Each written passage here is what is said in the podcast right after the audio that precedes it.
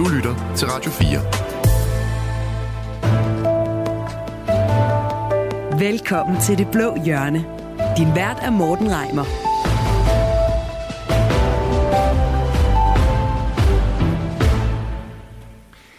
Hele ligestillingsministeriets grundlag er i bedste fald overflødig og i værste fald decideret skadeligt. Sådan siger Liberal Alliances politiske ordfører Solbjørg Jacobsen i Altinget efter at have kastet sig ind i en fornyet debat om ligestilling. For er vi allerede i mål i Danmark, eller er der stadig vej igen? Og er det overhovedet muligt for blå politikere at bedrive ligestillingspolitik uden at gå på kompromis med borgerlige dyder som det frie marked og lige rettigheder? Det skal vi tale om i dag. Velkommen til Det Blå Hjørne. Du lytter til Radio 4. Det gør du nemlig. Med mig i dag der har jeg tre politikere fra den blå side af Christiansborg. Den første det er dig, Solbjørg Jacobsen. Velkommen til. Mange tak. Du er politisk ordfører og ligestillingsordfører for Liberal Alliance. Og er du ikke en lidt dårlig medsøster at foreslå, at ligestillingsministeriet er skadeligt? Overhovedet ikke. Det handler jo ikke om ligestilling. Det handler om ligestillingsministeriet, jeg ser som overflødigt. Jeg synes, vi kunne sagtens behandle alle emner, der har med ligestilling at gøre, integreret i alle de andre resortområder, der er, som man gør med så mange andre ting, uden at have ministerier til det. Okay. Og så har vi besøg af Janne Jørgensen. Du er kulturordfører, skatteordfører og medlem af ligestillingsudvalget for Venstre. Velkommen til. Tak skal du have. Tænker du nogensinde over, at du er mand, når du sidder til møder i ligestillingsudvalget? Øh, jeg tænker altid over, at jeg er mand. Også ligestillingsudvalget? Ja. det er godt. Og Lars Bøje Mathisen, velkommen til Det Blå Hjørne. Tak for det. Du er jo løsgænger, så er du også med i ligestillingsudvalget. Er det et sted, du nyder at bruge tid? Nej, det er ikke et sted, jeg kommer og bruger ret meget af min tid. Uh, altså, nogle af de ting, der bliver diskuteret i ligestillingsudvalget, er, er fuldstændig ja, ligegyldige. Altså, seneste eksempel var jo, da man lige pludselig skulle til at tælle op, hvor mange mandlige og kvindelige kunstnere, øh, som havde, var portrætteret på Christiansborg. Ikke? Altså, når man bruger sin tid på sådan noget, så er det vel det bedste eksempel på, at man bare skal lukke ned. Okay.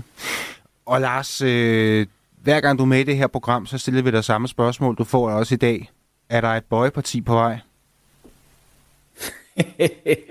ja, jeg har jo sagt, det, som jeg altid har sagt, at jeg håber, jeg er på stemmesedlen til, til næste valg. Og der er tre muligheder. Enten skal man stille op på et kredsmandat, eller skal man gå med i et andet parti, eller skal man starte sit eget. Så øh, det bliver en af de tre. En af de tre. Vi er spændte på at se, hvad der sker. Jeg er rigtig glad for, at I er med i dag, og dig, der lytter med, du kan selvfølgelig også blande dig. Hvordan synes du, at de borgerlige klarer sig i leasingsdebatten? Send din holdning ind til mig på en sms til 1424. Lad os komme i gang. Du lytter til Radio 4. Og vi har dedikeret hele programmet i dag til at tage leasingsdebatten, så lad os starte med at få det helt basale på plads. Solbjørg Jacobsen, hvad er ligestilling for dig? Ligestilling for mig, det er, at vi har et frit samfund, hvor at vi alle har lige muligheder, ja. uagtet køn. Og øh, det betyder, at, øh, at man som kvinde kan gøre sig gældende, hvor man vil. Mm-hmm. Og som mand også. Og øh, jeg synes også, at det betyder, at øh, vi har et frit samfund, hvor der også er plads til, at mænd og kvinder i gennemsnit ikke nødvendigvis træffer det samme valg. Så det er ikke, det er ikke resultatlighed, vi snakker om. Det er simpelthen Præcis, rent muligheder. Ja. Jeg, jeg bliver lidt ærgerlig over, når man tager statistikker op, uden at kigge mere nøgternt på dem. Når vi tager statistikker, der viser forskel mellem mænd og kvinder, i stedet for at se det som et udtryk for manglende ligestilling, hvorfor kigger man ikke på det og siger, hvad skyldes det? Skyldes det, at der er frie mennesker, der har truffet nogle forskellige valg? Ja. Eller skyldes det, at der er nogen, der er blevet diskrimineret? Fordi i et vestligt moderne demokrati, så mener jeg ikke, at der skal kønsdiskrimineres. Det mener jeg, at vi skal holde rigtig, rigtig fast i. Så derfor så vil jeg ønske, at man kiggede mere på de her statistikker med den her nysgerrighed. Skyldes det, at der er frie mennesker, der har truffet frie valg? Eller skyldes det, at der er nogen, der er blevet diskrimineret? Fordi er det det andet, så synes jeg bestemt, at det skal tages op, og det har vi også lovgivet imod. Så, så derfor er, er den der skældende meget vigtig for mig, at vi også giver plads til, at mænd og kvinder i gennemsnit træffer nogle forskellige valg. Okay. Janne, øh, ligestilling, hvad betyder det for dig? Jeg tror, det er lidt for naivt at sige, at det alene handler om, at man sådan rent juridisk øh, har øh, nogle muligheder. Fordi det er jo rigtigt nok, altså juridisk øh, er der ikke ret mange områder tilbage, hvor hvor det er en diskrimination øh, mellem mænd og kvinder. Der er tre, som vi måske kan komme tilbage til senere i programmet, men øh, lad mig bare give et eksempel på det her med, øh, med diskrimination, som du taler om. Jeg ville umiddelbart mene, at hvis man havde et symfoniorkester og skulle ansætte en til at spille violin, så ville man tage den, der spillede violin bedst. Men det har vist sig, efter man er begyndt at lave auditions bag et forhæng, så øh, man ikke kan se, om det er en kvinde eller en mand, øh, der spiller, så er antallet af kvinder, der er blevet ansat, steget. Og det er da for mig en øjenåbner, som viser, at vi er altså ikke i mål med ligestilling. Der er stadigvæk områder, hvor øh, kvinder eller øh, mænd bliver fravalgt på baggrund af deres køn. Og vi skal også lige høre dig, Lars Bøje. Hvad, hvad betyder ligestilling for dig? Jamen ligestilling, det betyder, at øh, man har øh, lige muligheder. Øh, det betyder ikke, at man har for lige outcome. Altså, det er meget, jeg skiller meget mellem input og output i, i de her ting. Øh, men at man har, er fri til at træffe øh, nogle valg, som ikke er baseret på, på, på ens køn. Og har vi ligestilling i Danmark? Ja, grundlæggende så har vi, øh, synes jeg, når vi kigger på samfundet, så, så har vi der ligestilling. Der er ikke en sådan en strukturel diskrimination øh, baseret på køn. Øh, så, så det vil jeg sige sådan, så er der, så er der nogle specifikke steder juridisk, man kan sige, vi kan sige værnepligt og alt muligt andet, øh, som, som Jan måske også vil nævne senere. Øh, så er der nogle steder der, hvor, hvor man øh, fra Folketingets side øh, juridisk ikke har ligestillet mænd og kvinder. Og det, det synes jeg, man skal kigge på. Det seneste eksempel, som man fik rettet op på, det var øh, krisehjælp til mænd, for eksempel på, på krisehjem, hvor mm. der var en, en, simpelthen en, en for lovmæssigt side fra Christiansborg, at man har gået ind og lavet forskelsbehandling på køn. Så der er nogle steder, hvor, hvor man godt kan, kan gøre det, men det, med, vi ikke skal gøre, det er, at vi skal ikke gøre køn til sådan en social konstruktion, og så via lovgivning udvaske de forskelle, som der, der er på køn. Så går man øh, fejl af, hvad det er, og vi lave ligestilling, og, og jeg synes faktisk, man misbruger sin, sin position til at lave lovgivning, hvis man rykker den vej. Lars Bøje, han nævner jo øh, værnepligten, Janne, som, som et sted, hvor at mænd har en pligt til at gå i værnepligt, kvinder har mulighed for at, at blive værnepligtige. Din tidligere formand, Jakob Ellemann, han var meget på, at nu skal der selvfølgelig være ligestilling her også. Socialdemokratiet var med, nu skal vi have ligestilling på værnepligten. De nye formand, Troels Lund Poulsen, lidt mere vag. Kan, kan du måske øh, prøve at, at forklare, hvor vi er henne på den? Jamen altså, Venstre støtter øh, kvindelig øh, værnepligt på lige fod med mandlig værnepligt. Altså, det giver ikke længere mening at have øh, en diskrimination mellem de øh, to køn. Og øh, det er jo også, der er jo rigtig mange øh, kvindelige frivillige værnepligtige i, for, øh, i forsvaret. De gør det rigtig, rigtig godt. Så det, det støtter vi stadigvæk. Så er der jo nogle øh, forhandlinger, der er et forsvarsforlig, og der er jo nogle partier, der har veto, og derfor så øh, udtaler han sig lidt, øh, lidt ulden, fordi vi ikke helt ved, hvad det ender med endnu. Men, men, men det undrer der mig, at for eksempel Liberal Alliance er modstander af kvindelig værnepligt. Det forstår jeg ærligt talt ikke. Øh, altså det, at man tvinger øh, nogen til at tilbringe øh, x antal måneder i øh, i dronningens klæder, men det kun gælder øh, folk øh, med, af det ene køn, øh, og ikke folk af det andet køn, det har jeg svært ved at forstå, man kan argumentere for i 2024. Men det øh, har du hørt vores politik på området, fordi vi går der ind for, at man skal have værne ret og ikke værne pligt. Vi mener, at mænd skal sidestilles med kvinder. Jeg kan godt forstå, at hvis I mener, at der skal være værnepligt, så synes jeg også, at man skal mene, at der skal være værnepligt for kvinder og mænd. Men hvis man mener, at der skal være værneret, altså at mænd skal sidestilles med kvinder her, og ikke omvendt, så ser jeg ganske fornuftig logik i, at vi har en forskellig holdning der. Vi mener, at mænd skal have værneret, ligesom kvinder har værneret. Venstre mener, at kvinder skal have værnepligt, ligesom mm. at mænd har værnepligt. Det kan jeg sagtens forstå. Hvis man går ind for værnepligt, så er det da fint, at man skal i 2024 sige, at det skal gælde begge køn. Det synes jeg også. Men jeg går ind for værneret. Det giver da ingen mening at sige, at jeg mener, at mænd skal have værneret ligesom kvinder og derfor så skal kvinder have værnepligt. Altså, det vil da være totalt modsigende. Jeg har siddet Folketinget i 12 år sammen med Liberale Alliance. Jeg har ikke set et beslutningsforslag om, at I ville afskaffe værnepligten for mænd. Det har jeg simpelthen ikke. Men det har da været en del af vores partiprogram i rigtig, rigtig lang tid. Det er ikke noget, jeg stillet beslutningsforslag. Det er, ikke det er noget... da ikke et krav, at man skal stille beslutningsforslag om alle ens politiske visioner, Jan. Det har I da heller ikke i Venstre. Men Sobjørg, nu er der jo værnepligt. Er det så ikke så færre at sige, at når, så det ligesom er, er præmissen, at vi har værnepligt i Danmark, så må det gælde både mænd og kvinder? Det vil da være en mærkelig måde at gå i politik, synes jeg. At sige, at fordi vi kæmper for, at, øh, at mænd skal have værneret, ligesom at kvinder har værneret. Altså vi kan også sige, at forsvaret siger det samme. Vi bruger jo ikke vores værnepligt. Det vil jo heller ikke have, at det skal være mere værnepligt. Det vil gerne have det baseret på frivillighed, og at vi skal forbedre rammerne i forsvaret, så det tiltrækker flere mennesker, både mænd og kvinder. Så det vil da ingen mening give at sige, at vi synes ikke, der skal være værnepligt. Vi mener, der skal være værneret. Altså lige pludselig gå ind og kæmpe for, at der skal være endnu flere, der får værnepligt. Det synes vi ikke er vejen at gå. Nej. Altså, det argument kan jeg jo sådan set godt følge. Øh, mm. Øh, og i en ideel verden øh, mener jeg egentlig heller ikke, der burde være øh, værnepligt. Det skrev jeg også i, i min bog. Men nu er der værnepligt. Altså, det er virkeligheden. Vi er nødt til at forholde os til virkeligheden. Og når der så er en værnepligt, er det så ikke meget rimeligt, at den gælder både for mænd og for kvinder? Det er der, hvor jeg synes, kæden Jo, hvis man går ind på værnepligt, så ja, det er det. Jamen, nej, hvis man går ind for virkeligheden, altså der er værnepligt i Danmark. Det er en del af forsvaret, at alle mænd bliver indkaldt til forsvarets dag, og øh, risikerer at skulle, øh, hvis de ikke trækker øh, frinummer, og så skulle ind i, i forsvaret. Og når, der, og når det er situationen, når det er virkeligheden, så er det bare, at jeg forstår, ikke forstår, hvorfor jeg ikke vil forholde jer til den virkelighed. Og sige, at selvfølgelig, når der er en værnepligt, som vi måske principielt er imod, men når der nu er den her værnepligt, så skal den selvfølgelig gælde begge. Oh jo, hvis det var en naturlov, så ville jeg forstå det. Men det er en virkelighed, fordi at det er en politisk beslutning. Vi kan politisk beslutte noget andet. Hvis det var en naturlov, at det skal være værnepligt. Og hvor mange partier ud over jer går ind for at afskaffe værnepligt? Men det er da ikke et argument for at ændre sin politik, Jan. Jamen, det er et argument for at forholde sig til virkeligheden og deltage i nogle forhandlinger og prøve at komme igennem så langt, som man kan. Og det er jo, altså, det er jo et af de punkter, altså vi er jo begge to liberale, men det er jo et af de punkter, hvor vores partier adskiller sig øh, fra hinanden. Øh, I sætter sig jer op på en eller anden høj hest og siger, hvis ikke vi kan få det på den måde, som Liberale Alliance vil have det, så gider vi slet ikke være med.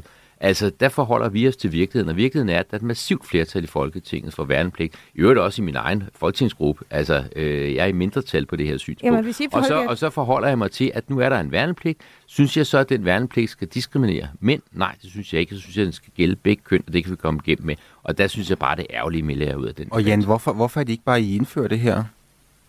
Jamen, det er fordi, der er et forsvarsforlig. Øh, og, øh, og når der er et forlig, så øh, har de partier, som er med i forliget, jo alle sammen øh, vetoret. Ikke? Okay. Jo, men jeg vil gerne lige pointere, at, at, at Jens siger, at det er en virkelighed, at der er politisk flertal for det, øh, Venstre også mener.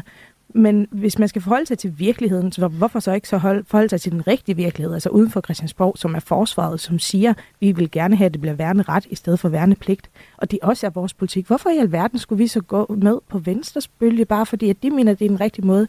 Jeg synes, det er underligt, at Venstre hver gang vi har en forskel politisk... Hvor så har er du det fra, fordi... at forsvaret ønsker værnepligt? Det er der mange, der har udtalt. Nå, hvem? Jamen, jeg har ikke navnet lige her, men det kan vi da sagtens finde, og det tror jeg det også, der er måske det er i hvert fald ikke, for, det er ikke forsvarets holdning. Det er muligt, der er nogen i forsvaret, der mener, men det er bestemt ikke Hvis der sidder nogen derude, så send gerne nogle kilder ind, fordi det er, det, er, det er der mange, der har været ude og, og øhm, pointere. Vi skal lige have, have, have Lars Bøje med igen. Lars, du, øh, du nævner selv værnepligten som et sted, hvor der egentlig er en, en strukturel forskel på mænd og kvinder. Er det det eneste sted, vi har tilbage at bedrive ligestillingspolitik i Danmark? Nej, nej, der er jo øh, et par stykker andre, andre øh, så jeg synes, øh, et af de steder, hvor, hvor vi, vi trænger til at kigge, det er familieretshuset. Øh, jeg, jeg synes, der, der, der, der tildelingen af, af forældremyndigheder dertil, synes jeg, hvis man kigger på, på tallene, viser, at der er et eller andet fuldstændig galt i det system. Øh, så, så der synes jeg også, man, man skal kigge øh, på det, jeg synes også, vi trænger til øh, fra Christiansborgs side at gå ind og kigge og måske ændre nogle regler på, på familieretshuset. Ja. Vi skal også lige kigge på øh, World Economic Forum. De lavede sidste år en rapport, der hedder Global Gender Gap Report. Den viser, at de nordiske lande ligger i top, når det handler om ligestilling for hele verden, lige på nær Danmark. Vi placerer os på en 23. plads, altså langt fra Island, Norge, Sverige og Finland, som ligger oppe i toppen. Solbjørg, er det her ikke et ret tydeligt tegn på, at der er store problemer med, med ligestilling i Danmark? Men nu tager du øh, resultater, øh, som vi var inde på lige før. Og der øh, igen bliver man nødt til at kigge på, hvad er det, det her skyldes? Og, øh, og hvorfor er det, at, øh, at statistikkerne er, som de er? Og hvis man renser dem for de forskellige valg, som folk tager. Altså vi kan for eksempel tage, nu er jeg uddannet jurist, vi kan tage advokatbranchen. Øh, der er der mange kvinder, som, øh, som starter i den branche, og der er mange også, der fortsætter. Og der er også mange mænd, som er der. Men der er flere kvinder, som fravælger et liv med lige så høj arbejdstid osv. som mænd. Altså, der er ikke lige så mange, der gør det som mænd. Og det ser jeg ikke som et udtryk for et problem, hvis det er, at det vælger anderledes. Altså, du siger, at danske, nu siger du advokater, vælger et anderledes liv, end de vil gøre for eksempel Nej, i Norge og i Sverige. det siger jeg ikke. Jeg siger, at det er et udtryk for, at der er flere kvinder end mænd i Danmark, som vælger nogle andre ting, end mænd gør flest i Danmark. Og det, og det er jo der, hvor vi skal kigge. Er det et problem? Er det manglende ligestilling? Er det, fordi vi ikke er stillet lige?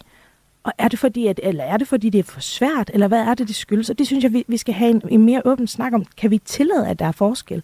Kan vi tillade, at folk vælger noget andet, end det andet køn gør i gennemsnit? Det jeg prøver at komme ind på, det er, hvor, hvorfor ligger Danmark på et 23. plads, når vores nabolande ligger helt oppe i toppen? Det er der mange forskellige forklaringer for. Noget af det er, at vi har et mere kønsopdelt arbejdsmarked, end man har i andre lande. Og øh, altså, det, er, det er en af de allerstørste grunde til det. Og der er det, at flere kvinder vælger nogle fag, hvor der ikke er lige så høje lønninger, som det, som mænd i højere grad gør.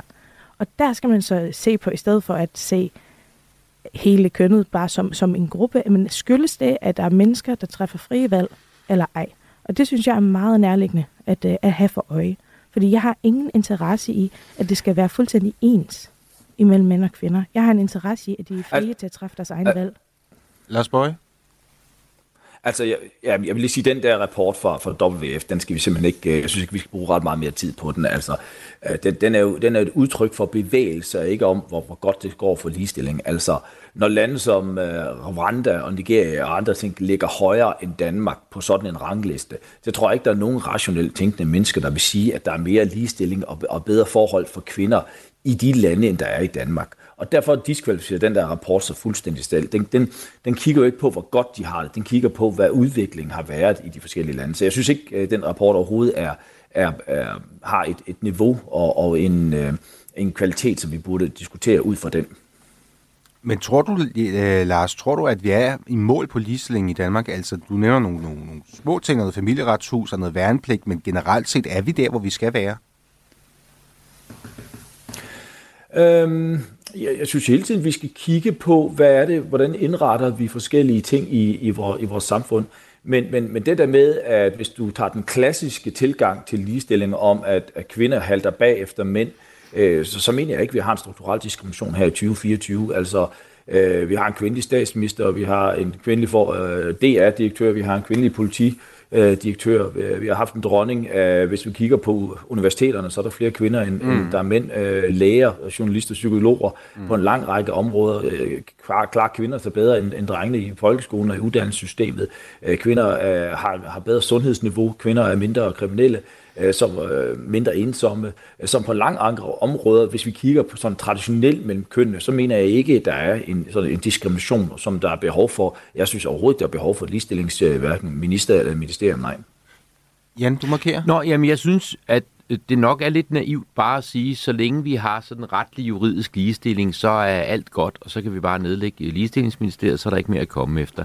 Øh, Karoline Horter, i øvrigt Horters øh, barnbarn, har et øh, meget fint debatindlæg i øh, dagens Berlinske Morgeskriften. Det er åbenbart liberalt, der blander sig udenom ligestillingsproblemer. Ja. Øh, og det mener hun jo ikke, det er. Det mener jeg øh, heller ikke, det er. Altså lad os bare tage sådan noget som, nu, nu, nu fortæller Lars, at vi har haft en, øh, en kvindelig dronning indtil for ganske nylig. Det er jo rigtigt, men det var jo kun fordi hendes forældre ikke vi nogen drenge. Øh, det er det ene. Det andet, det er det er med, at vi har en kvindelig statsminister. Ja, det har vi, men det er 200 år. Altså, vi har haft kvindelig stemmeret og mulighed for at komme i Folketinget og blive statsminister siden 1915. Og så tog det altså 100 år, før vi fik en kvindelig statsminister. Det tog 100 år, før vi fik en kvindelig formand for Folketinget, nemlig eh, Pia Kjærsgaard. Så det der med at sige, at, at tingene de går bare helt af sig selv, øh, lige så snart øh, lovgivningen er på plads, det gør de ikke. Og når vi ikke har fået en kvindelig statsminister... Men det er jo en stråmand, Jan. Undskyld. Når vi ikke har fået en kvindelig statsminister... Og, det, det er jo, må, må, jeg, må jeg lige gøre sætningen færdig, så, så vi skal vi Jan først. Øh, når vi ikke har fået en, en kvindelig statsminister før, på trods af, at det jo altså ikke har været ulovligt, der har ikke været noget øh, lovgivningsmæssigt, der har hindret det, så er det jo fordi, der også er nogle strukturelle ting. Jeg synes, nogle af de ting, du nævner, Lars, øh, hvor, hvor, hvor mænd øh, om jeg så må sige, trækker det korteste strå. Der er flere hjemløse mænd, der er flere mænd, der sidder i fængsel osv. Det er da også noget, vi skal gå ind og kigge på. Hvad er årsagerne til det, og se, om vi kan gøre noget ved det. Lars Bøje? Ja, øh, to, to ting i det.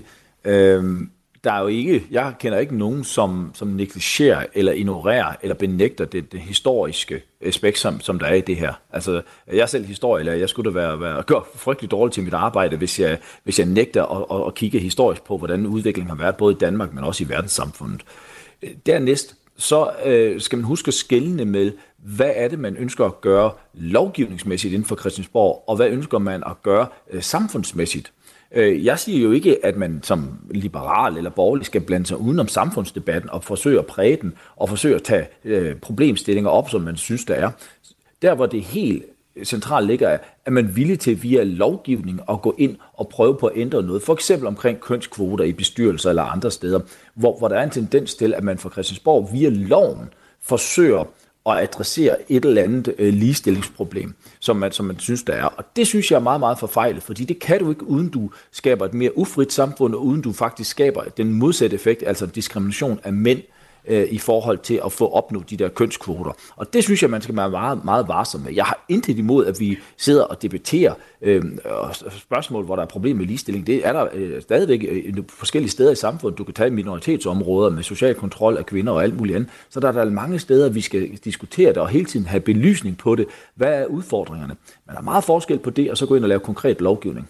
Lad os da lige prøve at høre, øh, Solbjørg fra, fra, fra Liberal Alliance. Er det, er det rigtigt, at det er antiliberalt at gå ind og sige, at nu, nu laver vi noget lovgivning, som sætter øh, skub i tingene, eller er det virkelig bedre at vente 100 år på, at, at tingene rykker sig? Nej, men, men øh, det er jo en præmis, som, som de sætter, som, som jeg overhovedet ikke overhovedet er sat, og det er jo primært mig, kritikken retter sig efter. Når jeg siger, at der er kønnede problemstillinger, så betyder det, at jeg siger, at det ikke så mangler en ligestilling. Men jeg bliver lige nødt til at lave en afsløring. Okay. Og øh, det er simpelthen fordi, at vi har jo set, hvordan det går, når man plagierer og ikke fortæller, at man plagierer. Det meste argumenter, jeg har brugt, siden jeg kom ind, har jeg fået fra en, der har kaldt sig en ægte liberal i rigtig mange år.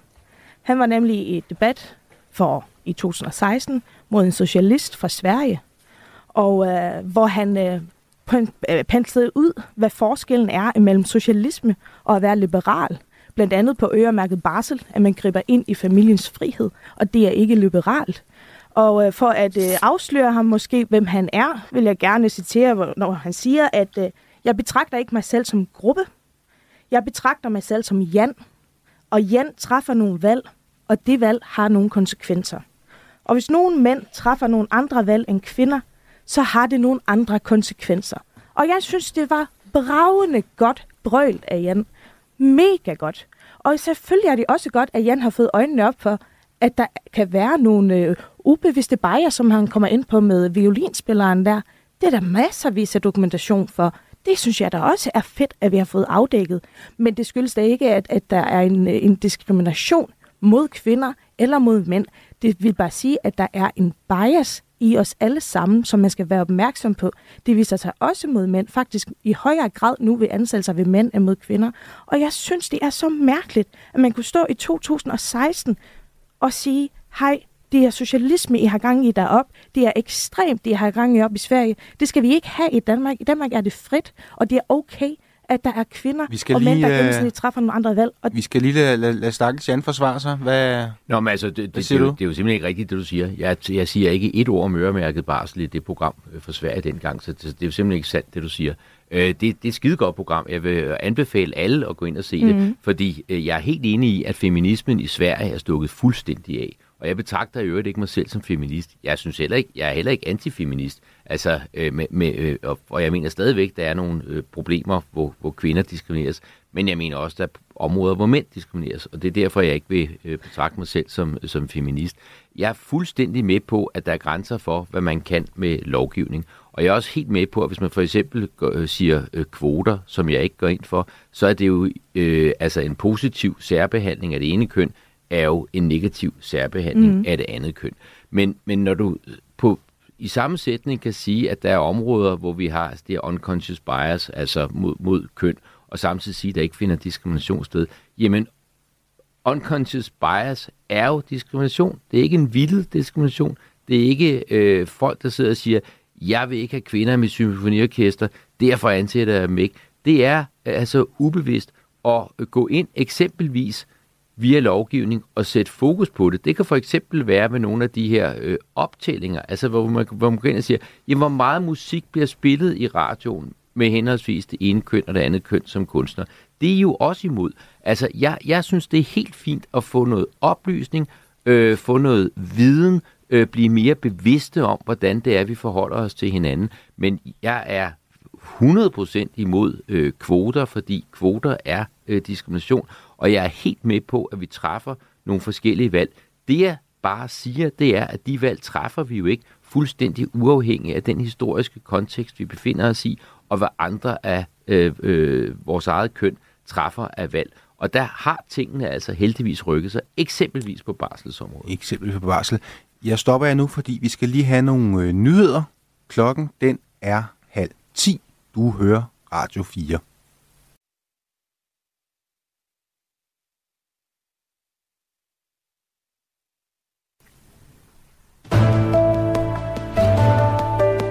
lytter til Det Blå Hjørne. Din vært er Morten Reimer.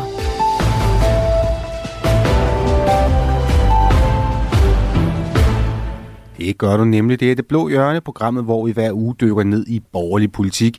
Med i dag er løsgænger Lars Bøge Mathisen, Venstres Jan E. Jørgensen og Liberal Alliances Solbjørg Jacobsen. Vi taler ligestillingskamp i dag, og jeg tænker, vi skal hoppe på et øh, citat fra dig, Solbjørg. Vi nævnte det lige op i starten. Det er fra Altinget, og der siger du, hele ligestillingsministeriets eksistensgrundlag ser jeg i bedste fald som overflødig, og i værste fald som decideret skadelig. Hvad er det, der får dig til den konklusion? Jamen, nu har jeg siddet i Folketinget i, i lidt over et år, og øh, det, der kendetegner samtlige ligestillingsemner, det er, at det, det knytter sig op af andre områder. Det har ikke noget selvstændigt emne. Hvis vi snakker øremærket barsel, hvis man mener, at det er et godt redskab, så er det inden for beskæftigelsesområdet. Hvis man vil have kvoter i bestyrelser, men så er det jo i Erhvervsministeriet, at, øh, at man vil behandle det. Nu er vi i gang med krisecenter til mænd, det skal Socialministeriet også ind over. Så der er jo ikke noget selvstændigt, og det gør, at det tager længere tid. Og det gør også, at man nogle gange får et unødvendigt kønnet fokus på nogle problemstillinger, som jeg ikke finder hensigtsmæssige. Og der hvor, der hvor jeg synes, at, at både Liberal Alliance og Venstre skal forsøge, og, og også altså hele Danmark, mm-hmm. hvis det stod til mig, forsøge at samle os lidt mere, det er, kan vi have defineret, hvornår vi siger, at det er et ligestillingsproblem? Fordi nogle gange får jeg en fornemmelse af, især når både Jan og, og også Marie, øh, ligestillingsministeren, siger, at jeg siger, at alt bare skal stå til. Mm. Altså som om, at jeg ikke vil anerkende noget, bare fordi, at jeg ikke kalder det et ligestillingsproblem. Vi kan for eksempel øh, nævne, at øh, vold mod kvinder, altså at, at kvinder bliver dræbt øh, af mænd, for eksempel, det, det sker jo langt højere grad, end at kvinder dræber mænd. Ja. Det, Men, og, nej, må jeg lige gøre det færdigt, fordi det er faktisk rigtig vigtigt. Og, øh, og det samme med hjemløshed, for eksempel, det rammer jo langt flere mænd end kvinder. Og man kan sagtens anerkende både de statistikker, og at hjemløshed er noget, vi skal bekæmpe, og at partnerdrab er noget, vi skal bekæmpe, uden at vi siger, at det er lige stillingsproblem. Lad os tage problematikken, som den er. Vores mål er ikke, at vi skal have lige så mange hjemløse kvinder som mænd, eller der skal dræbes lige så mange mænd som kvinder. Hvad er vores mål? Det er at forebygge alt det, vi kan.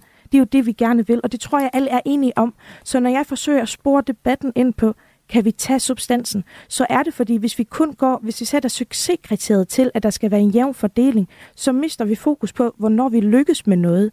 Fordi lad, nu sige, lad os nu sige, at vi fordoblede antallet af hjemløse, mm. men det blev højere blandt kvinder end mænd, så vil man da sige, at du har fået mere ligestilling inden for hjemløse. Men, men problematikken er vokset. På den anden side, så kunne vi halvere det på begge øh, dele af kønnene, og så har vi jo lige pludselig fået en kæmpe forbedring på hjemløshedsområdet. Ja. Men, øh, men du vil egentlig kunne stå og sige, der sker ikke en fløjtende fis, fordi statistikken er den samme. Så det er derfor, jeg så gerne vil have, at vi holder problemstilling på kønnet problemstillinger. Lad os kalde den kønnet, fordi det er ingen, der mener, at vi ikke skal gøre noget der. Og der skal vi jo have den på det re- relevante resortområder. Så jeg bliver sådan lidt trist, men, men, men, jeg, jeg, jeg skal lige spørge en gang, jeg skal lige spørge en gang, Solbjørg, fordi du siger, at vi skal have det på de relevante resortområder. Du, du nævner, at, at barsel, det hører til i, i Beskæftigelsesministeriet, mm. kvoter hører til i Erhvervsministeriet, men det er vel to ministerier, der er, er sat i verden for at skifte, øh, skal, skal sørge for høj beskæftigelse og et stærkt øh, erhvervsliv i Danmark. Der er vel brug for et ministerium, der holder ekstraordinært øje med ligestillingen, eller hvad? Nej, nej, det er brug for, at vi, hvis vi skal øh, betragte os selv som et ligestillet samfund, så er der brug for, at vi betragter ligestilling i hele del af vores samfund. Jeg sammenligner det nogle gange med retssikkerhed. Vi har jo retssikkerhed i Danmark. Jeg tror ikke, der er nogen, der vil sige, at vi ikke har retssikkerhed i Danmark. På samme måde som jeg siger, at vi har ligestilling i Danmark. Ja. Men jeg siger ikke, at der aldrig er problemstillinger med vores retssikkerhed. Vi har nogle ejendomsvurderinger, som nok fortæller, at der er nok nogle retssikkerhedsmæssige problemstillinger, vi skal håndtere politisk. Men det bliver jo håndteret der, hvor ejendomsvurderingerne bliver lavet. Fordi det er en selvfølge, at vi skal prioritere retssikkerheden i Danmark. Og derfor er det også en selvfølge, at vi har en politisk konsensus om, det kan godt være, at vi er uenige om, hvordan den skal skrues sammen, men vi er enige om, at det skal prioriteres. Og på samme måde ser jeg ligestilling. Der er mange, der siger, hvornår opnår vi ligestilling? Men ligestilling er noget, vi, vi har, og vi skal værne om. Så når vi så finder ud af, at her er der noget, hvor der er noget kønnet, eller at der er noget decideret forskelsbehandling, jamen så skal vi da have det behandlet. Men det er jo ikke fordi, at vi skal have 50-50 af nogen eller noget. Det er fordi, vi er et samfund, er baseret på vestlige, moderne værdier, og det er, at vi er ligestillet som køn. Og der mener jeg, at, at tager du så noget som hjemløshed, men det mm. er på socialområdet. Og så kan du bruge statistikken til at sige, men hvorfor rammer det flere mænd? Altså til at analysere, hvorfor sker det her, og hvad vil hjælpe? Jo, men, så helt, helt kort, men, skal vi lukke ligestillingsministeriet? Det mener jeg. Vi har jo heller ikke en retssikkerhedsminister. Jo, vi har. Janne? Nej, det altså, har vi jo, ikke. Jo, det har vi. Altså, Nej. Jo, justitsministeren er retssikkerhedsminister, og når der er retssikkerhedsmæssige spørgsmål på andre ministers områder, så er det hen over Justitsministeriet at blive vurderet der. Altså, det er dem, der har retssikkerheden i fokus, også uden for deres eget ressort. Altså, jeg synes, du har nogle rigtig gode pointer.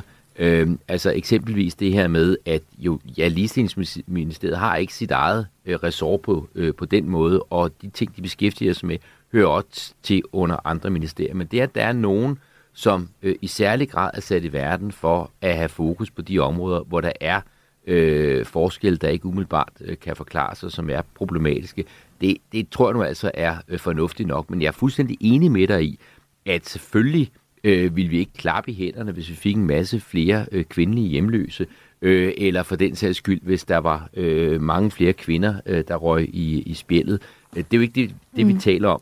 Øh, altså, vi skulle meget gerne bekæmpe hjemløshed uanset øh, køn, og mm. bekæmpe kriminalitet uanset køn. Men når der er den her store kønsubalance, så er det da interessant at gå ind og se, jamen, hvad kan årsagen være, mm. og er der nogle af de årsager, vi kan gøre noget ved, og hvem skal gøre det, hvis ikke et ligestillingsministerium? Vi skal lige høre uh, Lars Bøje. Uh, luk ligestillingsministeriet, ja eller nej? Hvor er du henne der? Ja, det sagde jeg jo faktisk for, for 20 minutter siden, at det mener jeg var en god idé. Ja.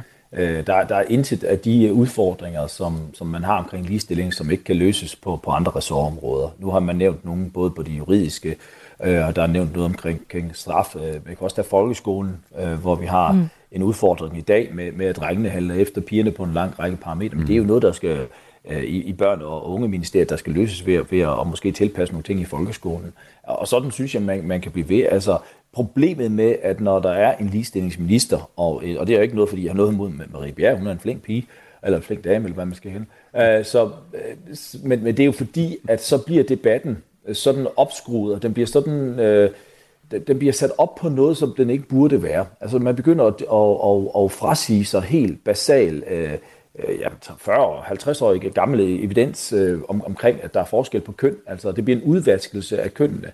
Øh, og det der med, at der er forskel på køn, og, der vi, og vi kan se, at jo friere samfund man har, jo bedre samfund for ligestilling, for eksempel som de nordiske, jamen så vil kvinder og mænd vælge for forskelligt. Det vil de i alle aspekter i deres tilværelse. Men det vil de både Lars på det arbejdsmæssige, ja. og det vil de også øh, omkring andre, omkring familie og omkring øh, kriminalitet. Vi ser jo, at at selv om der også er kvinder, der er kriminelle, så kan vi se på den yderste del af, af mænd, så er der mere, flere mænd, der er mere voldsparate, og som er mere kriminelle end kvinder. Og sådan er statistikken. Og det har noget at gøre med øh, øh, køn og kønsforskellene, som der er. Og jeg synes kun, man snakker som regel kun normer og kultur, og så ignorerer man den her store kønsforskel, som der også er, heldigvis er på mænd og kvinder. Men Lars Bøge, du er også en flink dreng.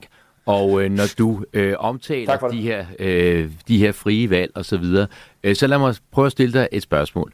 Når der i halvdelen af virksomheder i Danmark med over 50 ansatte ikke er en eneste kvinde i bestyrelsen. Ikke en eneste kvinde. Tror du så, at det alene skyldes, at kvinder ikke har lyst til at sidde i bestyrelser, at de ikke vælger at sidde i bestyrelser, eller kunne der måske også være noget strukturelt på spil, som gør, at kvinder øh, i mindre grad bliver valgt til de her bestyrelsesposter? Uh, nej, jeg tror ikke på, at der er noget strukturelt i 2024. Der er et, et historisk aspekt i det, og når du tit nævner de 50% virksomheder, så skal man også huske at sige, at mange af de virksomheder, det er jo nogen, som er specialiseret. Det vil sige, at, at øh, i og med, at vi ikke har så mange kvindelige ingeniører, så mange øh, IT-eksperter, som er kvinder og sådan noget, så vil der også være forskel på det. Nogle af de der virksomheder, det er også nogle, som er været familieejet og til AS'er, og derfor er der en naturlig del af, hvem der er, der sidder i de bestyrelser. Hvis man kigger Fordi de der familier, er der ikke nogen kvinder i, eller hvad? Nej, altså, nej, fordi, altså, hvor, hvor, hvor, hvorfor, hvorfor er der ikke... Nej, nej, men hvis jeg lige må svare... Nej, du stiller spørgsmål. Hvorfor er der ikke kvinder i en familieejet virksomhed?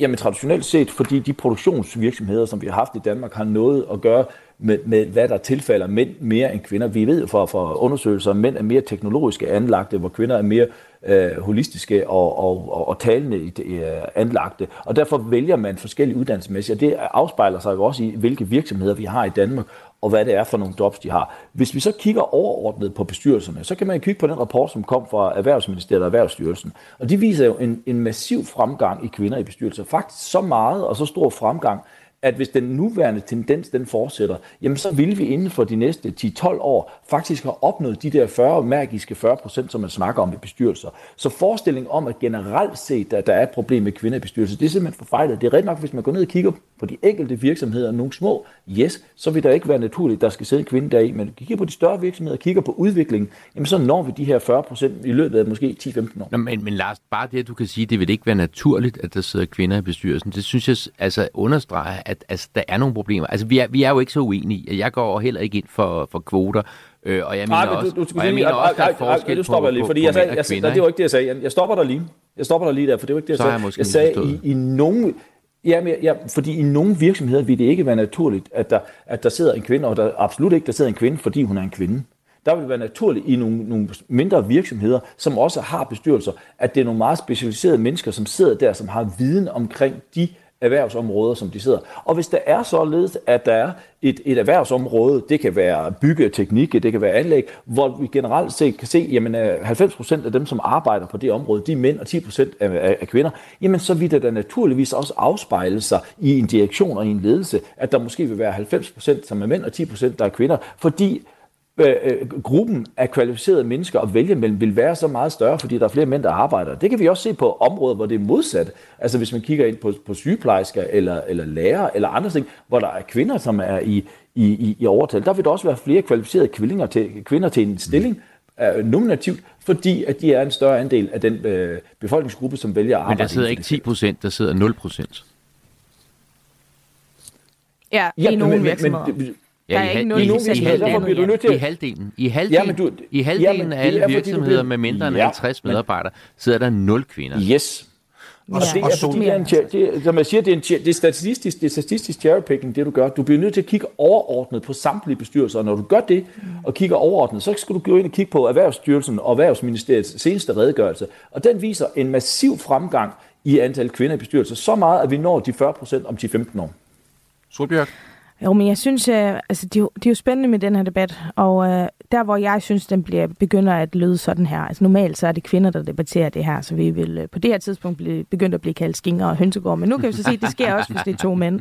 Um, nej, men jeg har også diskuteret med Marie, nu bliver hun kaldt en flink pige, jeg synes, hun er en dygtig politiker, uh, vil jeg hellere betegne hende, Lars mm. Bøge, men uh, uh, jeg vi er ikke så enige på ligestillingsområdet, når det kommer til værktøjerne, som, som hun ser som nødvendige, men jeg tror nederst i substansen, så tror jeg, at alle danskere er enige. Også mig og Marie Bjerre, og alle, altså, at vi er lige værd som køn, og vi skal mm. have grundlæggende samme rettigheder.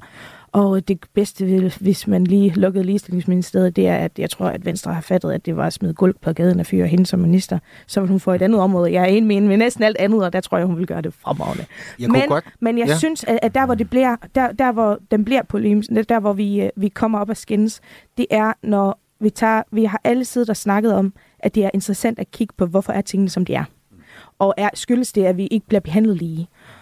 Og så når Jens så går over og siger, den her statistik, hvorfor er den sådan? Det synes jeg er interessant at dykke ned i. Og der er jeg enig med Jan hele vejen igennem. Det synes jeg. Og så siger han, hvorfor er det ikke mere? Og så, og så kan vi sætte nogle mål om, at det skal være mere. Og men, men, men så har du sprunget, så har du sprunget arbejdet over. Du har sprunget over at kigge, jamen hvad skyldes det? Vi kan da ikke sætte et mål om flere, medmindre vi har tjekket, Altså medmindre vi har fået dataet på, at det er det, der skal. Og det er der, hvor jeg synes, det er der, vi begynder at skændes. Men det, men det, det, det, er, vi jo, det er vi jo enige om. Øh, altså, øh, og der vil være masser af områder, hvor der aldrig nogensinde kommer resultatlighed, ja. og det lever vi fint med. Jeg tror ja. aldrig, vi kommer i en situation, hvor der er lige mange mandlige og, og kvindelige negleteknikere, eller lige mange mandlige og kvindelige heavy bands til Copenhagen. Øh, mm. Altså, og det lever jeg fint med, det er fuldstændig uproblematisk. Det, og, og selvfølgelig er der forskel på, øh, på på mænd og kvinder. Det, der, hvor jeg jo bare vil, vil hen, det er, at man som mand bliver respekteret, uanset hvilke øh, valg man træffer, at man som kvinde bliver respekteret, uanset hvilke øh, øh, valg man træffer. Og der har vi ikke været, og der er vi ikke endnu. Der er stadigvæk en, en bias. Ek, eksempel øh, barsel. Jeg tog selv barsel med min datter i år 2000. Det er jo efterhånden ved at være øh, nogle dage siden. Og dengang var jeg fuldstændig overbevist om, at det ville komme helt af sig selv. Selvfølgelig, når mænd havde fået muligheden, ville vi også benytte os af den. Og der må jeg jo bare konstatere, at så mange år efter er der stadigvæk rigtig, rigtig, rigtig mange mænd, der ikke tager andet barsel end de her øh, 14 dage. Og det synes jeg er et problem. Og derfor så er jeg tilhænger af, at man siger, at mænd har en individuel rettighed som fædre til at have noget barsel, og kvinder har en individuel rettighed som mødre til at tage noget barsel, og så er der så en periode, som man kan fordele, og der er det jo, for nu at bruge ordet naturligt, at kvinden tager mest, fordi det er jo altså kvinden, der føder barnet, men, men der kan man da fra lovgivningens vej øh, skubbe på en, øh, en udvikling. Så, så jeg, synes ikke, jeg synes ikke, man skal afvise, at lovgivning også kan bruges på det her område, i hvert fald øh, med forsigtighed, det er vi enige om. I var eksempelvis imod, at man overhovedet lavede den her statistik, som du lige har talt om, øh, inden for, øh, altså i, i medieforlidet. Altså, der må slet ikke laves statistik på, hvor mange øh, kvinder, henholdsvis mænd, øh, laver tv-udsendelser, bliver brugt som kilder i nyhedshistorier, øh, udøver den musik, der bliver spillet i radioen osv. Jeg synes, det er fint at få den viden, og kan ikke forstå, hvorfor I modsat jer den så meget, at det simpelthen var grund nok til, at I ikke vil være mere overhovedet. Jeg tror, jeg, undskyld, hvis man vil lave, hvis man, hvis, hvis man, hvis, hvis man vil lave ligestilling Lars, på barselsområdet, så skal man jo bare lade barsel følge barn, i stedet for at gøre det op på mand og, og kvinde. Det kan være. Lade barsel følge barn, så har, du over, så har du overstået det problem. Det kan være. Jeg er nødt til lige at, at rykke debatten lidt videre. Vi skal nå øh, rigtig, rigtig mange ting. øhm, Solberg, du nævner, at du har, har været, jeg vil lige sige op og skændt, men, men op og diskutere med, med leasingsminister øh, Marie Bjerre. Det har du gjort i Deadline, og det har du gjort i klummer i, i Altinget. Og Marie Bjerre, hun har også skrevet noget om dig. Hun skriver, jeg synes faktisk, at Liberal Alliance svigter ikke bare kvinderne, men også liberalismen og de blå partier, når partiet ikke selv melder sig ind i kampen om at skabe lige muligheder for alle. Svigter de liberale partier her? Men det synes jeg jo ikke. Og, øh, og jeg bliver sådan lidt ærgerlig, for der står også i den artikel, at, øh, at, man, at, at jeg skulle mene, at kvinder ikke er lige så ambitiøse. Og det synes jeg, det er, jeg har aldrig ment, at ambitiøs er fastsat efter, hvor man optræder i statistikker. Der kan der være masser af mennesker, der har andre ambitioner, end hvad Marie Bjerre ønsker for dem. Og det kan sagtens være at være ambitiøs på sin vegne, selvom det ikke er det ambitioner, jeg måske har, eller Marie Bjerre har. Og der synes jeg, at, at man har det frie valg, det er, det er jo så vigtigt. Og derfor er det vigtigt, at vi får skabt lige muligheder, og ikke ens resultater. Og jeg er meget enig i alt det, Jens siger i dag, men jeg så snart han kommer til slutningen af sin sætning, så bliver det, vi skal have skubbet til, så noget sker. Men hvad skal ske? Vi skal ikke politisk designe verden. Vi skal ikke politisk bestemme, hvad der er normalt eller ikke normalt. Det skal danskerne derude. Det er jo dem, der skal være frie og selv træffe sine egne beslutninger. Så vi skal ikke have et mål om at skubbe i nogen retning. Jeg mener faktisk ikke, at vi skal gå tilbage til den gamle barselslovgivning, øh, hvor, hvor der var mere øremærket til kvinderne. Jeg mener, det skal sættes 100% fri. Og jeg mener ikke, at vi skal gøre det til et problem hvis der er flere kvinder end mænd, der tager barsel. Hvis det havner en dag, at der er mænd, der tager mere, så vil jeg heller ikke have et problem med det. Det er så vigtigt for mig, og det er der, der hvor jeg ser den liberale kerne være, det er, vi skal gerne kigge på, hvordan får vi skabt muligheden for, at man selv kan træffe valg. Og, og barselen, der, der ser jeg den, som den følger barnet. Venstre ser den, som den følger forældrene. Det er også fair. Øh, der er vi uenige. Men, men, men jeg synes, at det er mere nærliggende at kigge på, hvad, hvad vil politikerne skubbe på? Vi skal da ikke skubbe på. Vi skal da sikre, at vi har lige muligheder. Og det er bare meget vigtigt, at vi så respekterer, at det lige muligheder måske resulterer i, at mænd og kvinder træffer forskellige valg. Og i forhold til medieforledet, så var der jo også et krav om, at der skulle sættes nogle mål. Nej. Jo. Nej. Det er med hensyn til, at der skal være flere af noget. Og vi går ikke ind for flere af noget af køn. Der er også et Inge Lehmann-projekt, som Venstre støtter, hvor man vil have mere kvindelige forskere. Det kræver en dispensation fra ligebehandlingsloven at have det projekt kørende. Fordi at der skal du have lov til at diskriminere mænd. Det siger jo så meget om, hvor skørt det er blevet, at du skal i ligestillingens navn have dispensation fra ligebehandlingsloven. Men der er det jo blevet skørt. Jamen, altså, det, det, det, eksempel, øh, det eksempel kender jeg ikke. Men altså, øh, og, og, og jeg siger heller ikke, at du anklager øh, kvinder for at være, øh, for at være uambitiøse. Det er tak. ikke det, jeg siger. Men din tak. partifælle Ole, øh, Ole Birk, han har altså været ude med nogle øh, ret Tager du øh, virkelig et 20 år, eller 10 år gammel, som han har trukket tilbage fra? Er du så lavt i argumentationen, Jan? Har han trukket det tilbage? Ja, det har ja, det vil han. også sige, Jan. Nu, så, så, så, ej, Jan. Du, du, du, altså. du, nu holder vi altså ikke. Du, du, du, du havde også det med orkestret med, som fra 1970. Nu holder han det altså. Nu, har du, du, du komme ind i 2024. i kontekst og trukket det tilbage. Men du tror ikke, han mener det stadigvæk? Han mente jo heller ikke på den prøv måde, lige det at blev forklare, Jan, hvad er det, hvad er det, vi snakker om?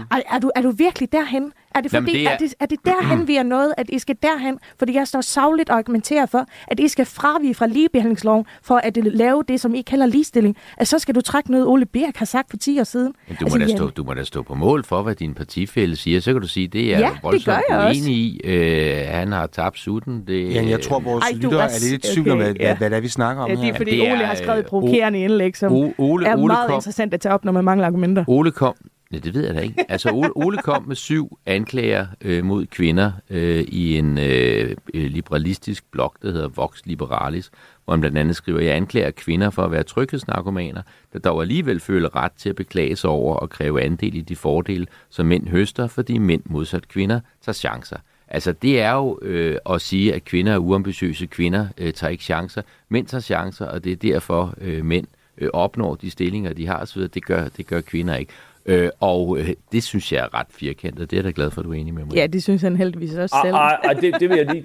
Der, der, vil, der vil jeg, hvis jeg lige må komme ind der, fordi der, der er jo faktisk, øh, øh der er jo faktisk øh, psykologisk evidens på, at at mænd øh, har en tendens til at være mere risikovillige end kvinder generelt set i, øh, i, i deres tilværelser. Ja, men han sætter der, det meget derfor, på spidsen på den måde der, Ole, og det ved han godt. Ja, ja, men prøv, jeg, jeg, jeg sidder ikke og forsvarer Ole, jeg sidder ikke og forsvarer Ole Birk Olsen. Han må sgu selv forsvare, hvad han har sagt, og han har også været ude og sagt, ja, at noget af det var måske lige strukket øh, for, for hårdt op. Jeg, jeg, jeg sidder bare og siger, hvad der rent faktisk er en empirisk evidens for på det her område, og det er der øh, for, at, mm. at, at køn, køn, der er en kønsforskel omkring risikovillighed mellem mænd og kvinder. Og hvis man påstår, det ikke er, så, så taler man simpelthen imod, hvad, hvad den gængse empiri på det her område Jo, er. men det var også lidt sjovt, fordi da jeg debatterede med Marie, så tog jeg det frem i forhold til start virksomheder. Fordi det er, det er rigtigt. Og det er, ikke altid, det er slet ikke en fordel at være risikovillig i, i alle tilfælde. Overhovedet ikke. Det er også derfor, at mænd havner i langt større problemer på mange andre parametre. Men, øh, men da jeg sagde det, så, så, så, så siger hun, det er enormt nedsættende over for kvinder. Nej, det er ikke nedsættende over for kvinder. Det er faktum, og det er jo gennemsnit. Det vil mm. ikke sige, at der ikke findes risikovillige kvinder, eller mænd, der ikke tør en skid. Altså, men, men det er bare gennemsnitlige betragtninger, man har lavet. Det er ikke for at nedsætte over for nogen. Det er simpelthen bare generelle betragtninger, der udstiller, at der er nogle generelle forskelle. Nu er jeg risikovillig og sætter en skiller på.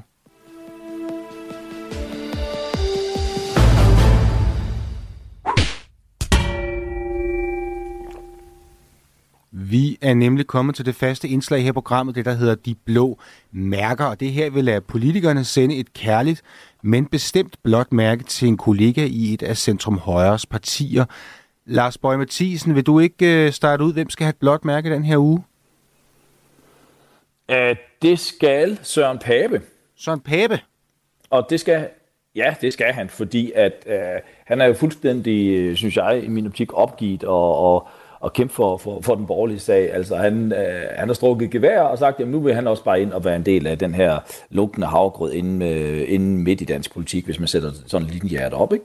Og det synes jeg er, øh, det synes jeg er ærgerligt, for, men det må konservative selv om, men jeg synes, det er sådan en, en ærgerlig, trist udmelding og, og siger, jamen, øh, man tør ikke at kæmpe for et, et, et, et blot og borgerligt Danmark. Jamen ikke bare realistisk, det Lars, at sige, der er simpelthen ikke mandater nok til at, at, at kunne få en ren blå regering i meget, meget lang tid, så må man prøve at få, få nogle andre med jeg synes, det er meget, meget lidt ambitiøst. Altså, hvis der er noget, vi ved, så, så var det, at til sidste valg, der var der omkring 60 procent af befolkningen, der først besluttede sig og, i, i selve valgkampen om, hvem de stemme om. Hvis du ser de store fluktueringer, der er sket i dansk politik, hvor Venstre er gået fra, fra 35 procent i målingerne til, til nu at ligge på, på, på 9. Ikke? Liberal Alliance for, for halvandet år siden lå de på 1,8, var på vej ud af Folketinget og ligger nu på, på 15 øh, nye borgerlige, som lå op på, på 8-9 procent, mm. og nu er, er helt væk. Mm. Danmarksdemokrater, som er opstået moderaterne. Mm. Altså fluktuerende i dansk politik øh, går så hurtigt, og, og jeg tror slet ikke, du på nuværende tidspunkt kan sige noget som helst omkring, Nej. øh, hvis der sandsynligvis kommer et valg om tre Nej. år, hvordan, øh, mening, eller hvordan øh, resultatet kommer til. Nej. Og der synes jeg, man skal stå fast på det, man tror på, og det man mener, i stedet for allerede nu begynde at tænke,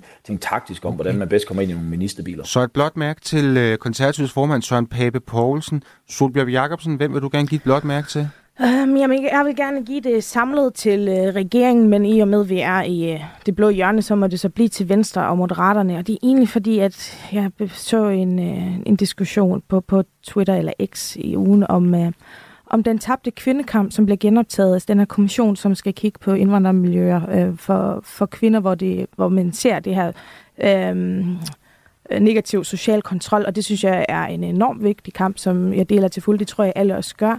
Men Susie Jessen fra Danmarksdemokraterne har virkelig, synes jeg, gjort en fremragende indsats på de områder. Hun har stillet spørgsmål, hun har indkaldt til samråd, og nu har hun lige fremsat et beslutningsforslag, og lige efter hun gør det, så kommer regeringen svingende og siger, at de vil gøre noget her. Mm. Og så modtager hun det og siger, at det er fedt, I vil gøre det. Det er dejligt at sige, at det har virket. Fordi at selvfølgelig, altså man, man er opposition til en flertalsregering. Man kæmper og vil gerne have noget igennem også, fordi man, man tror, at man også har noget at bidrage til, til at gøre samfundet bedre. Okay. Og når regeringen så også synes det, så er det jo fedt, fordi så får man noget igennem. Men, men her bliver det jo ikke anerkendt. Det er sådan, okay, troede du ikke, vi ville gøre det alligevel, selvom du havde gjort det her eller ej. Det er da fuldstændig yes. ligegyldigt. Og det er jo bare, det er måske et lille eksempel, Jamen... men det er helt generelt. Vi har set det på mange andre områder, hvor det er, at oppositionen stiller forslag, og regeringen tager dem og siger, det var vores idé. Det synes jeg bare, det er sådan lidt sølle. Jan, jeg er simpelthen ked af, at du får ikke lov til at hverken forsvare dig eller give en ret lang forklaring på, hvem der skal have blot mærke. Kan du sige et navn? Jeg kommer til at tænke på en af anklagerne for Ole Birk mod kvinder, om at de taler for meget. Men øhm, ja, 10 sekunder. Mit, mit, mit blå mærke, det skal gå til Troels, og så håber jeg ikke, han hører radioen. Og det er, fordi jeg synes, han har været lidt for ulden i sin mund med hensyn til det her med kvindelig værnepligt. Vi er ude. Tak for i dag. Du har lyttet til en podcast fra Radio 4. Find flere episoder i vores app, eller der, hvor du lytter til podcast.